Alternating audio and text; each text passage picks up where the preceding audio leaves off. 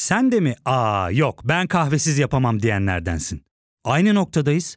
İlk ve tek kahve üyelik uygulaması Frink'le tanış. Hem bütçeni koru hem de hiç bitmeyen kahvenin tadını çıkar. Yakınlarından terapinin onlara ne kadar iyi geldiğini dinlesen de kendin için bir şeylere başlamak zor geliyor olabilir. Ya da sevdiklerine yardım etmeye istekliyken kendi ihtiyaçlarını görebilmek. Hayvel, uzman psikologlarıyla kendi ihtiyaçlarını bulmanda sana destek olacak. Terapi yolculuğuna başlamak için detaylı bilgi bölümün açıklamalarında.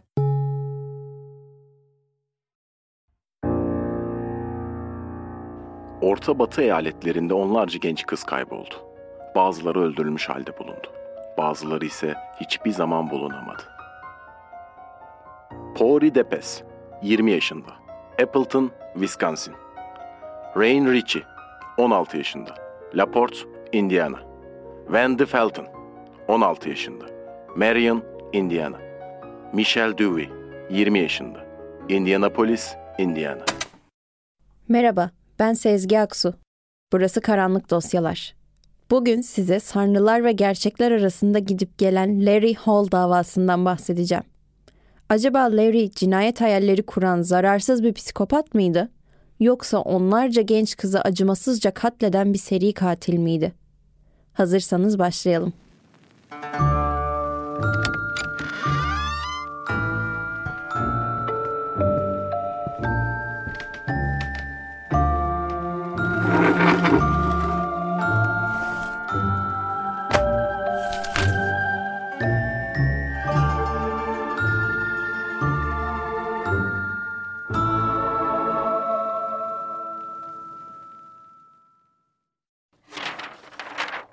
29 Mart 1993.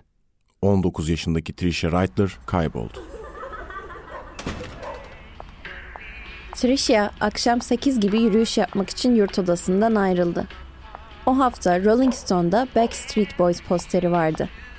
Tricia tam 6 aydır bu sayının çıkmasını bekliyordu. Dolabındaki en güzel köşeyi ayırmıştı bu poster için. Arkadaşı Mandy'nin dolabı posterlerle doluydu ve Tricia bunu biraz kıskanıyordu. Marketten dergisini aldıktan sonra yürüyüşünü biraz uzatmaya karar verdi. Hava kıştan bahara geçen güzel bir havaydı. Tricia biraz hava aldıktan sonra elindeki dergiyle kampüse yürümeye başladı. O gece Tricia'nın babasına bir telefon geldi. Kızının nerede olduğunu biliyor musun? Ailesi, emniyet güçleri ve medya her yerde Tricia'yı arıyordu. Ancak 19 yaşındaki Tricia kaybolmuştu. O posteri hiçbir zaman dolabına asamadı. Tricia kaybolduktan sonra kampüste ve yurtta herkes tedirgin olmaya başlamıştı. Etrafta potansiyel bir katil olduğu her yerde konuşuluyordu. Özellikle saat 8'den sonra kimse dışarı çıkmak istemiyordu. Bir hafta sonra Tricia ile aynı yurtta kalan Kristen ve Mandy aynı markete alışveriş yapmak için gittiler. Kampüs marketten rahatlıkla görülebilecek kadar yakındı. Hemen gidip geliriz diye düşündüler. Çünkü tatlı krizleri tutmuştu. Yurttan çıktıklarında hava kararmaya başlamıştı. Tricia'nın yürüdüğü yoldan yürüdüler. Aynı dönemeçlere döndüler ve hatta aynı kahverengi kamyoneti gördüler. Yolu yarıladıklarında Mandy biraz tedirgin olmaya başladı. Bir şey diyeceğim. Ne oldu? Şu kahverengi kamyoneti fark ettin mi? Hangi kamyonet? Kristen bir şey fark etmemişti. Bir dakika sonra kamyonet tekrar yanlarından yavaşça geçti. Kristen iyice gerilmeye başlamıştı. Aynı kamyonet üçüncü kez yanlarından yavaş yavaş geçtiğinde korkup kaçmaya çalıştılar. Kampüsteki güvenlik görevlisine içinde uzun favorileri olan bir adamın bulunduğu bir kamyonetin kendilerini takip ettiğini söylediler. Güvenlik hemen durumu polise bildirdi. Sen ne geziyorsun burada? Arkadaşım buraya yeni taşındı. Adresi bulamıyorum. Neredeymiş bu arkadaşın? Söyle bakayım adresi. St. John sokakta. 12 numara.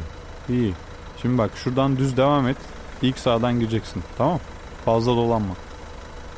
Aslında o adreste kimse yoktu. Ancak polisler bunu bilmiyordu. Larry'nin gitmesine izin verdiler.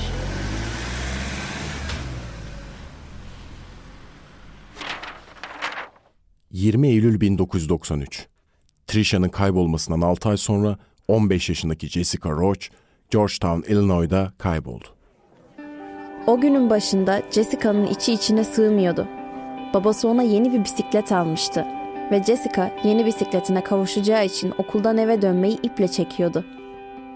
Fıstık yeşili bisikletinin tekerleklerine ne renk süs takacağını düşünüyordu. Eve geldiğinde annesinin hazırladığı sandviçi bile yemeden dışarı attı kendini. Deli gibi bisiklet sürmeye başladı. Babası onu çok uzağa gitmemesi konusunda tembihlemiş, en fazla aşağı caddedeki parka kadar gitmesine izin vermişti. Jessica babasını dinlemiş olsa da bu hiçbir işe yaramadı. Jessica'nın cansız bedeni haftalar sonra Illinois'da bir mısır tarlasında bulundu. Tricia davası gibi bu da aydınlatılamadı. Bir sene içinde Larry'nin kamyoneti beş farklı şehirde daha görüldü. Kamyonetin içindeki uzun favorili adam genç kızların yanlarına yaklaşıyor ve onları taciz ediyordu. Ondan şikayetçi olan onlarca kadın vardı. Alo polis mi? Şikayetçiyim. Yanımdan geçerken Bir adam bana beni laf takip etti. attı. Geceydi Evet, ve evet. karanlıktı. Fa- favorileri Alo, var. korktum, Ee, geldi. ya da esmer, bilmiyorum tam görmedim ama Favorileri vardı. Peşimden Evet, geldi. kahverengi Kahverengi bir kamyonetti. Bilmiyorum Hala şikayetçi. Alo. Yanından Alo, geçerken polis. gerçekten ne Kahverengi yapacağımı kamyonet. bilemedim. Evet yine eminim. Ama bu şikayetler bir sonuca varmadı. Larry'nin kamyoneti Jessica'nın cansız bedeninin bulunduğu tarlaya yakın yerlerde de görününce Dedektif Beaumont, Larry ile konuşmak istediğini söylemek için Webeş polis karakolunu aradı. Konuştuğu polis memuru Larry'i çocukluktan beri tanıdığını, onun böyle bir şey yapacağını düşünmediğini söyledi. Larry biraz garip biriydi. Nasıl garip? Yani saf. Ne bileyim biraz yarım akıllıydı. İkizi vardı geri. O bizim gibiydi. Ama Larry farklıydı. Farklıydı ne demek? Düzgün anlat şunu. Ya bakın amirim evet Larry farklı biriydi ama onun böyle bir şey yapacağını hiç sanmıyorum. Ona biz bakacağız. Sen yorum yapmayı kes, bildiklerini anlat. I know when I was born, my mother told me that I was blue. Larry'nin annesinin söylediğine göre Larry doğduğunda rengi maviymiş. Yeterince oksijen alamamış. İkizler annelerinin karnındayken Gary, Larry'nin de besinlerini yemiş. Oksijensiz kalmasına sebep olmuş. Bir nevi yamyam ikiz gibi düşünebilirsiniz. Bu da Larry'nin zihinsel olarak eksik doğmasına sebep olmuş. Peki annesi, babası, onlar nasıl insanlardı? Ailenin durumu pek iyi değildi. Ekonomik sıkıntılar çekiyorlardı. Anneleri çok despot bir kadındı. Baba ise alkolikti. Bazen onlara şiddet de uyguluyordu. En çok da Larry'e. Çünkü Larry işini çok zorlaştırıyordu. Özellikle geceleri. Dikkatli ol. Tamam baba. Bak şurada elinde yüzüğü var onu da al. Bu mu baba? Gerizekalı yüzük mü bu? Kadın ayağını çekiştiriyorsun. Tamam baba. Larry'nin babası mezarcıydı. Larry'nin de çocukluğu mezarlıkta geçmişti. Kasabadakilerin söylediklerine göre Larry'nin babası insanların beraber gömüldüğü değerli eşyaları, ölülerin kollarını, parmaklarını kesmek pahasına alıyormuş. Hatta kamyonetlerini bu sayede satın aldıklarını söyleyenler bile var. Küçük Larry tüm bunlara şahit olmuştu. Larry'nin biraz yavaş hareket ediyor ve söylenenleri geç anlıyor olması da arkadaşları arasında hep alay konusu olmuştu. Özellikle kızlarla arası hiç iyi değildi. Larry onlara yaklaştığı an ya kaçıyor ya da onunla dalga geçiyorlardı. İkiz kardeşi Gary, Larry'i hiç yalnız bırakmıyordu. Ve beraber enteresan bir hobi edindiler. Amerikan İç Savaşı canlandırmalarına katılmaya başladılar. Kulağa ilginç geliyor değil mi? Bence de öyle. Larry ve Gary şehir şehir gezip iç savaş canlandırmalarına katılıyorlardı. Bu sayede birçok arkadaş edindiler. Ancak Larry arkadaş edinebilmiş olsa da kızlarla arası hala iyi değildi. Onlarla iletişim kuramıyor, bir kız gördüğünde çok sessizleşiyor ve garip davranışlar sergiliyordu. Hmm, ilginç. Bu bilgiler dedektif Beaumont'u daha da şüphelendirdi ve derhal Larry ile konuşmak istedi. Ona bu şehirlerde ne yaptığını sorduğunda Larry savaş canlandırmaları için rol aldığını söyledi. Şehir şehir gezip iç savaş canlandırmalarına katılıyordu. Dedektif Beaumont ona Illinois'da tanımadığı kızlarla konuşup konuşmadığını sorduğundaysa İki kıza yol sorduğunu ancak ona çok kaba davrandıklarını söyledi. Dedektif Beaumont iyice şüphelendi ve büyük bir kumar oynadı. Jessica'nın fotoğrafını çıkarıp masaya koydu. Ve Larry'ye onu tanıyıp tanımadığını sordu. Larry fotoğrafı gördüğü an kafasını hızlıca sağa çevirdi. Fotoğrafı görmek istemiyormuş gibi elleriyle yüzünü kapadı. Ve bu kızı daha önce hiç görmediğini söyledi. Ama o an öyle bir şey söyledi ki Dedektif Beaumont'un adeta kanı dondu. Jimmy Keane, okulun en havalı çocuklarından biriydi. En güzel kızlarla o çıkar, onun yaptığı her şey popüler olurdu. Uzun boylu, fit ve bir o kadar da yakışıklıydı. Girdiği bir ortamda karizmasıyla dikkatleri hemen üstüne çekerdi. Jimmy Keane'in kim olduğunu ve Larry ile ne ilgisi olduğunu merak ettiğinizi tahmin ediyorum. Beaumont'un kanı donmuştu en son. Buraya nasıl geldik değil mi? Ben de bu iki apayrı insanın nasıl bir araya geldiğini öğrendiğimde ufak bir şok yaşadım. Hepsine geleceğim. Şimdi ufak bir aramız olacak. Ardından tekrar birlikteyiz.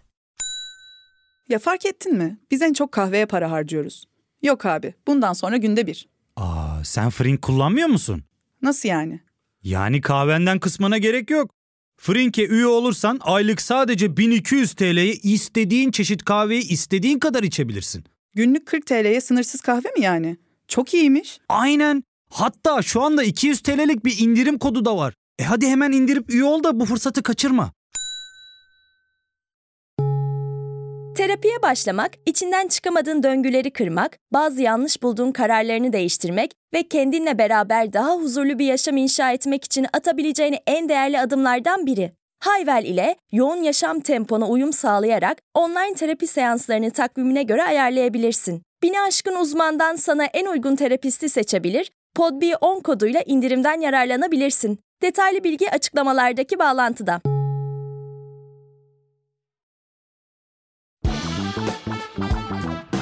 Jimmy en çok da cuma gecelerinin yıldızıydı. Amerikan futbolunun gelecek vadeden genç yeteneklerindendi. Herkes ona assassin yani suikastçı derdi. Çünkü oynadığı her oyunda mutlaka birini oyun dışı bırakırdı. Jimmy bununla beraber kickboxla da ilgileniyordu. Çok fit ve güçlüydü.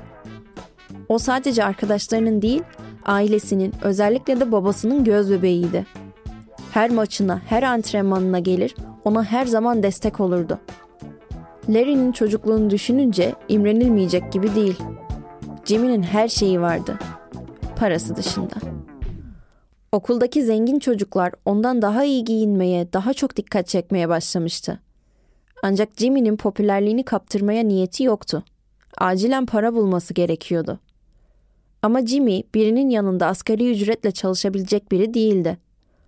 O çok para, güzel kızlar, pahalı arabalar, altın saatler istiyordu. Böyle olunca Jimmy en kestirme yolu tercih etti ve uyuşturucu satmaya başladı. Jimmy bu işte de kısa sürede yıldız olmuştu. Onda adeta şeytan tüyü vardı. Herkese hemen kendini sevdiriyor, insanların kanına hızlıca girebiliyordu. Her anlamda. Jimmy sadece 20 yaşındaydı ve kendi imparatorluğunu kurmuştu. Son model arabalar, evler, giyinme odaları, partiler, güzel kadınlar her şeye sahipti. 15 sene boyunca bu imparatorluk büyüdükçe büyüdü. O bir bağımlıydı. Ancak uyuşturucuya değil, paraya. Ama Jimmy'nin tek hassasiyeti para değildi. Bir de babası vardı. Belki de hayatta gerçekten sevdiği tek insan, babası. Babasının bitmeyen borçları Jimmy'yi daha riskli oynamak zorunda bırakmıştı. Para hiçbir zaman yetmiyordu. Ve nihayetinde o gün geldi. Kaldır ellerini. Yat yere yat yat yat. Jimmy için her şey bitmişti. 10 yıl ceza aldı ve hapse girdi. Jimmy gibi biri 10 yıl hapiste ne yapacaktı? 1994 Kasım V5 Indiana. Larry Hall ilk kez bir itirafta bulundu. Larry o gün dedektif Beaumont ile konuşurken çok korkunç itiraflara başlamıştı. Herkesin tüyleri diken diken oldu.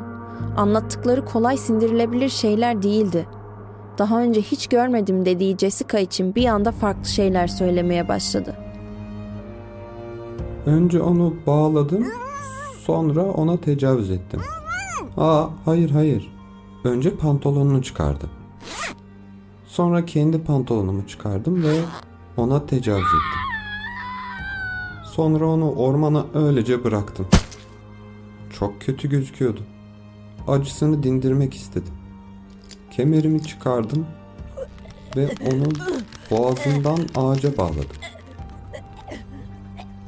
Nefes alamıyordu. Artık acı çekmiyordu. Ama onu hiç görmediğini söyledin.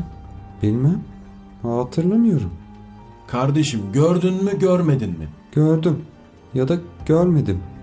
Bilmiyorum. Bu kadınların hepsi birbirine benziyor. Larry, Tricia'nın kaybolduğu zaman oralarda kamyonetiyle dolaştığını söyledi. O zaman da bir kıza tecavüz ettiğini ve sonra onu boğduğunu itiraf etti. Beaumont artık onun bir seri katil olduğundan emindi. Tricia'nın cesedinin yerini öğrenmek istiyordu. Böylece katili kanıtıyla beraber yakalamış olacaktı. Ancak ertesi gün her şey tepetaklak oldu. Larry geldi ve anlattıklarının hiçbirinin gerçek olmadığını, hepsinin sadece rüyaları olduğunu söyledi.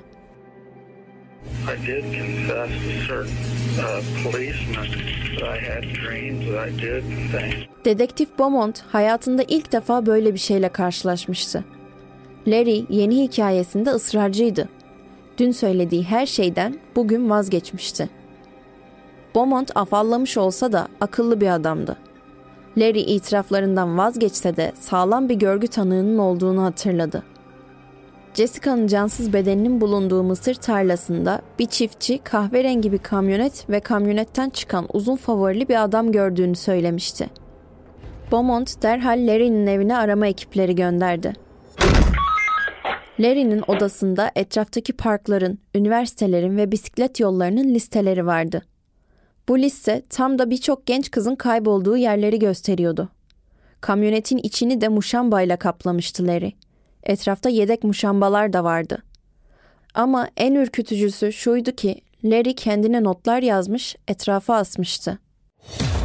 Fiziksel temas kurma. Kondom al. İki tane daha deri kemer al. Bunlar yetmezmiş gibi evde o dönem kaybolmuş bir takım kızların olduğu gazete haberleri ve Larry'nin eklemeler yaptığı bir takım pornografik resimler vardı. Dedektif Beaumont'un söylediğine göre Larry bu resimlerdeki kadınların boyunlarına dolanmış ipler eklemiş, ağızlarının etrafına kanlar çizmişti. Tüm oklar onu gösteriyordu. Ancak Larry bu kez de bunların hepsini bilerek hazırladığını, polisin dikkatini çekmek, kendini önemli hissetmek için yaptığını söyledi. Teşkilatın kafası hepten karışmıştı. Dedektif Beaumont bunların hepsinin gerçek olduğuna, Larry'nin bir katil olduğuna emindi. Ama kanıtlayamıyordu. Larry'i şimdilik içeride tutabiliyorlardı. Ancak kesin bir yargıya varılamamış, ceza verilememişti. Beaumont'un ihtiyacı olan tek şey Jessica'nın cesedinin yeriydi. Eğer Larry'nin ağzından bunu öğrenebilirlerse Larry'nin suçu kesinleşecek ve ceza alacaktı. Ama nasıl? Larry'nin ağzından bu lafı kim alacaktı? Polislere konuşup sonra hepsi hayalimdi diyerek inkar ediyordu Larry. Ancak bulunamayan bir cesedin yerini söylediğinde o da benim hayalimdi demesinin bir anlamı olmayacaktı. Ve Beaumont'un aklına bir şey geldi. Çok tehlikeli bir şey. Jimmy koğuşundaki herkesle arkadaş olmuştu. Diğer mahkumların karşılarında tir tir titrediği çete liderleriyle arkadaşlık ediyor, hatta sırlarını dinliyordu. İnsanların ihtiyaçları için dışarıyla bağlantıya geçip onları bir şekilde çözüyordu. Çok geçmeden buranın da en popüler mahkumu oldu. Demiştim ya, şeytan tüyü.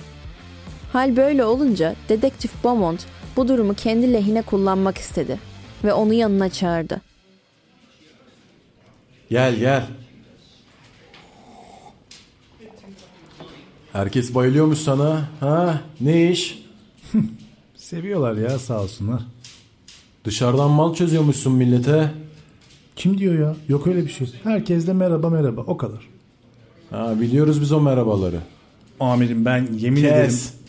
Şimdi sana söyleyeceklerimi iyi dinle. Bu Larry Hall'u biliyorsun değil mi? E yani. Güzel. Seni Larry'nin yanına sokacağız.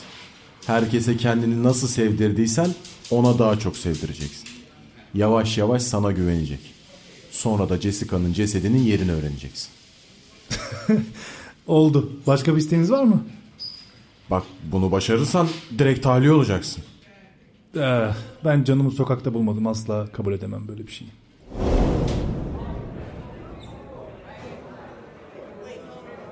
Selam. Ben Jimmy Keane. Ben de Larry Hall. Evet, Jimmy tabii ki teklifi kabul etmişti. Annesiyle telefonda konuştuğunda babasının çok hasta olduğunu ve ona ihtiyaçları olduğunu öğrendi. Jimmy ikilemde kalmıştı. Görevi çok zordu. Dünyanın en tehlikeli hapishanelerinden birine onlarca katilin, psikopatın arasına bir seri katille arkadaş olmak için girecekti. Özgürlüğüne kavuşmak için belki de ölümü göze alacaktı Jimmy. Bu karar Jimmy'nin hayatta verdiği en iyi karar da olabilirdi, en kötü karar da. Ama ya yapsaydım ve başarılı olsaydım diye düşünmekten kendini alamayacağını da biliyordu. Artık kararını vermişti ve geri dönüşü yoktu. Hapishaneye ilk adımını attığında dizleri titriyordu. Ancak burada zayıflığa yer olmadığını biliyordu. Kendini birkaç gün hazırladıktan sonra işe koyuldu. Jimmy, Larry'nin her hareketini takip etmeye başladı. Larry ne yapıyor, ne seviyor, ne yiyor, kimlerle konuşuyor, hepsini tek tek inceledi. Gerçekten çok titiz ve dikkatliydi. Artık Larry ile iletişime geçebileceğini düşündüğü noktada onu tek başına koridorda yakaladı ve kütüphanenin yerini sordu. Larry kütüphaneye kadar Jimmy'ye eşlik etti ve kitaplardan konuşmaya başladılar. Larry bilim kurgu romanlarına oldukça meraklıydı. Frankenstein'ı tam 16 kere baştan sona okuduğunu söyledi. Jimmy'nin kitaplarla pek arası olmasa da Frankenstein'i çok seviyormuş gibi davrandı. En azından bir kere okumuştu. Şah, mat. Yine sen kazandın. Sonuç o kadar önemli değilleri. Güzel bir oyundu. Ben sonuca bakıyorum. Yok ediyorum. Nasıl? Anlamadım. Şaka. Espri yaptı. Sen hep yapıyorsun ya. Ben de yaptım. evet. Evet çok iyi şakaydı Larry. Jimmy ve Larry'nin yeni arkadaşlığı iyi başlamıştı. Beraber satranç oynuyor, sohbet ediyorlardı. Jimmy her şeyin doğal ilerlemesi için yavaş hareket ediyordu. Ancak bu yetmezdi. Larry ile daha yakın olması, onun güvenini tamamen kazanması gerekiyordu. Jimmy onu başkalarından korursa bunu başarabileceğini düşündü. Bir gün Larry televizyon salonunda maç izlerken bir mahkum gelip kanalı değiştirdi. Haberleri izlemek istemişti. Ben izliyordum. Başka zaman izlersin. Ama... Ne dediğini duydun. Maçı aç. Sana ne oluyor lan?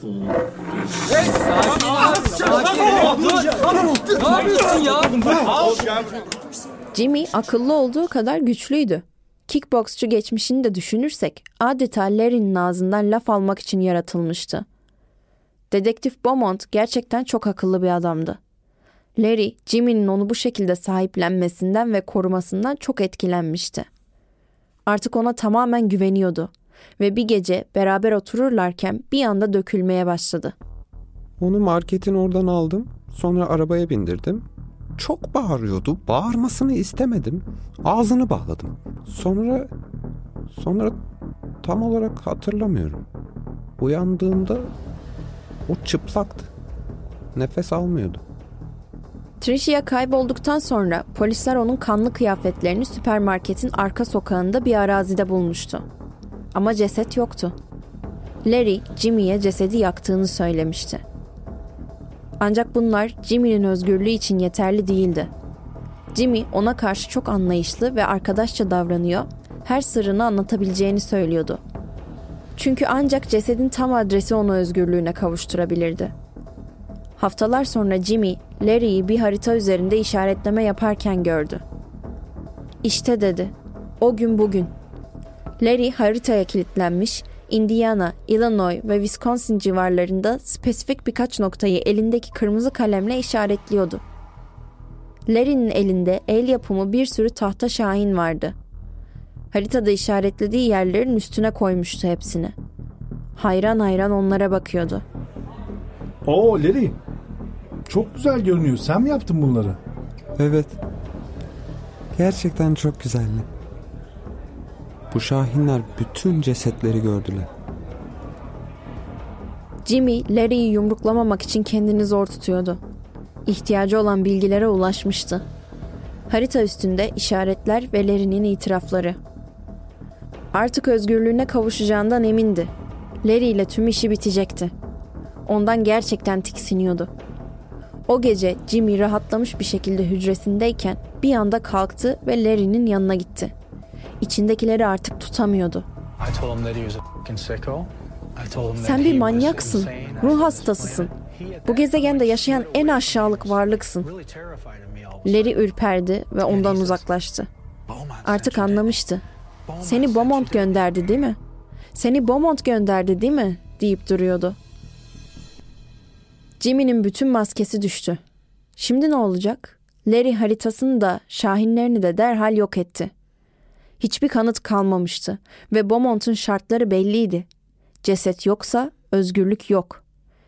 Jimmy, Larry'nin ona o zamana kadar anlattığı her şeyi Beaumont'a anlattı. Beaumont, Jimmy'den emin olmak için onu yalan makinesine bağladı. Jimmy doğruyu söylüyordu. Yapabileceği her şeyi yapmıştı. Jimmy endişe içinde Beaumont'tan gelecek kararı bekliyordu. Jimmy Keane artık özgürdü. Evine döndü ve babasının son beş senesini beraber geçirdiler. Jimmy özgürdü ama Trisha'nın annesi ve babası hala kızlarını arıyorlardı. Öldüyse bile en azından ona bir mezar yapmak istiyorlardı. Jimmy'nin bu ilginç hikayesi dergilere, kitaplara konu olmuştu. Olay kamuoyunun ilgisini çektikçe eski defterler tekrar açılmaya, Larry'nin kardeşi Gary üzerinde baskı kurulmaya başlandı. Hal böyle olunca Gary, kardeşini savunmayı bıraktı ve konuşmaya başladı. Larry, just like Jimmy King calls him, and he is, he's a baby killer. Larry, Jimmy'nin de dediği gibi bir katil, bebek katili. Gary, kardeşinin Jessica'nın, Trisha'nın ve daha en az 20 genç kızın katili olabileceğini söyledi. Gary açık konuşmaya başladıkça dedektifler Gary'den Larry'i konuşturmasını istedi.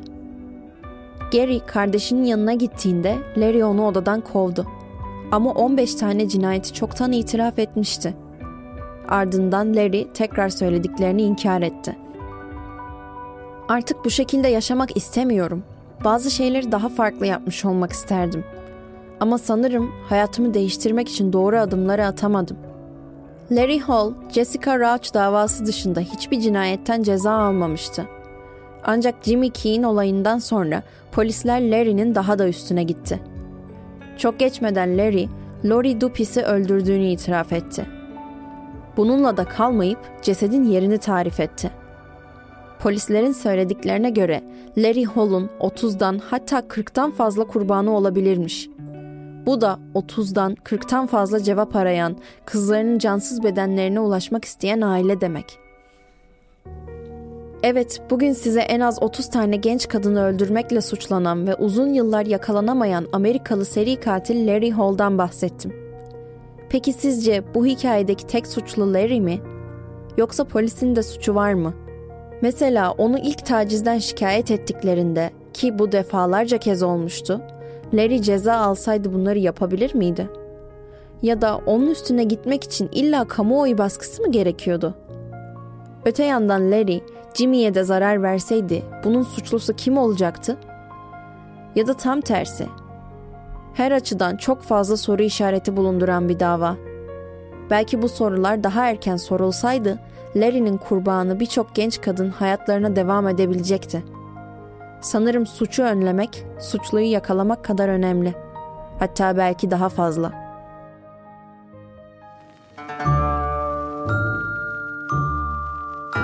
Evet, bu haftanın sizler için seçtiğim karanlık dosyasını ziyaret ettik. Bir sonraki karanlık dosyada görüşmek üzere. Kendinize iyi bakın.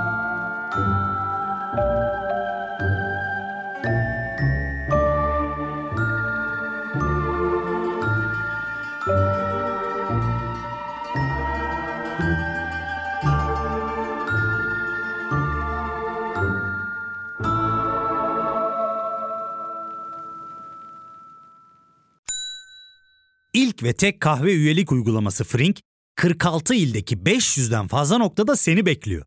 Açıklamadaki kodu girerek sana özel 200 TL'lik indirimden faydalanmayı unutma. Hadi sen de Frink üyeliğini başlat, kahven hiç bitmesin. Hem bugününe hem yarınına katacaklarıyla terapi yolculuğuna ve daha iyi hissetmeye bugün Hayvel ile başla. Açıklamadaki linkten Hayvel'i indir, ücretsiz tanışma görüşmelerinin ardından bütçene uygun seans paketini seç ve terapi yolculuğuna başla.